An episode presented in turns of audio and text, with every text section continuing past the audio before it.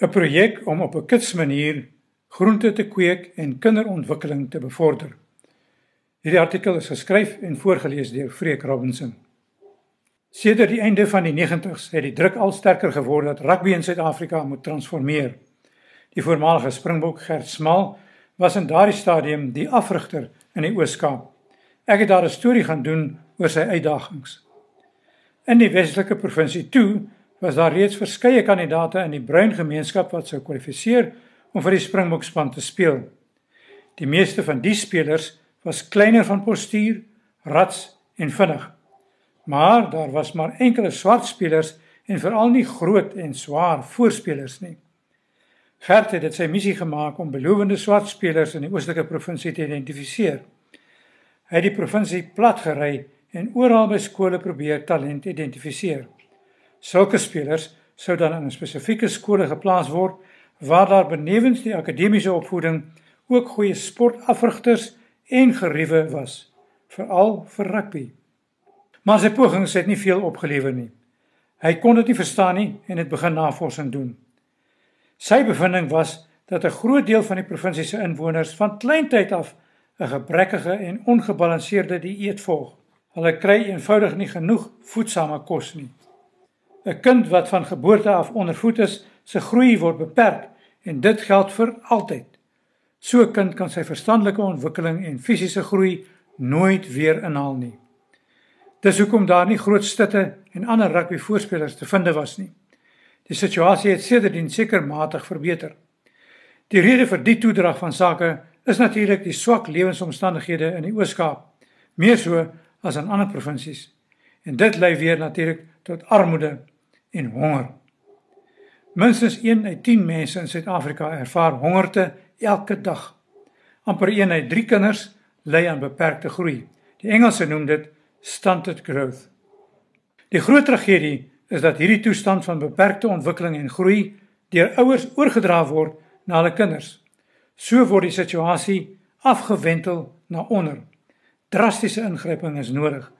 Dit behels verbetering van die sosio-ekonomiese omstandighede en die beskikbaarheid van genoeg en voedsame voedsel.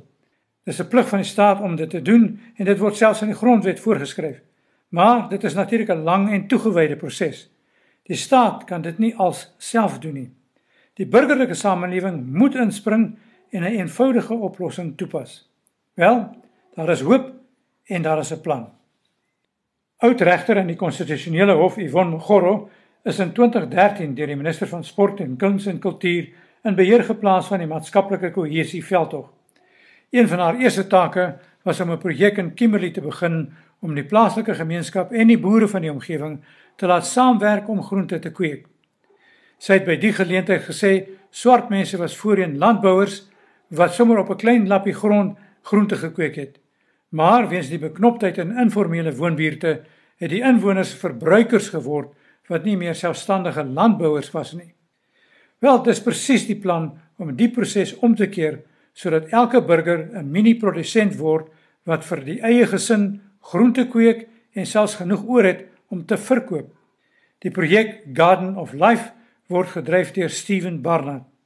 Hy lei mense op hoe om met 'n ou motorbuiteband en 'n 2 liter kookplastiek bottel 'n eie mini-groentetuin te maak. Dit behels opsommend kortliks die volgende: 'n Klein spasie is nodig. Die buiteband word op 'n stuk plastiek geplaas en met 'n mengsel van grond, kompos en mis gevul.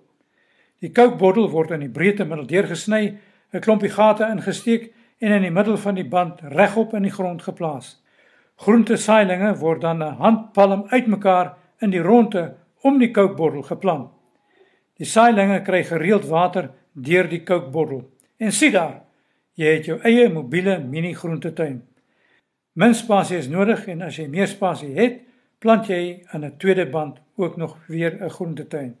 Steven en sy vrywilligers pas die projek veral toe by skole.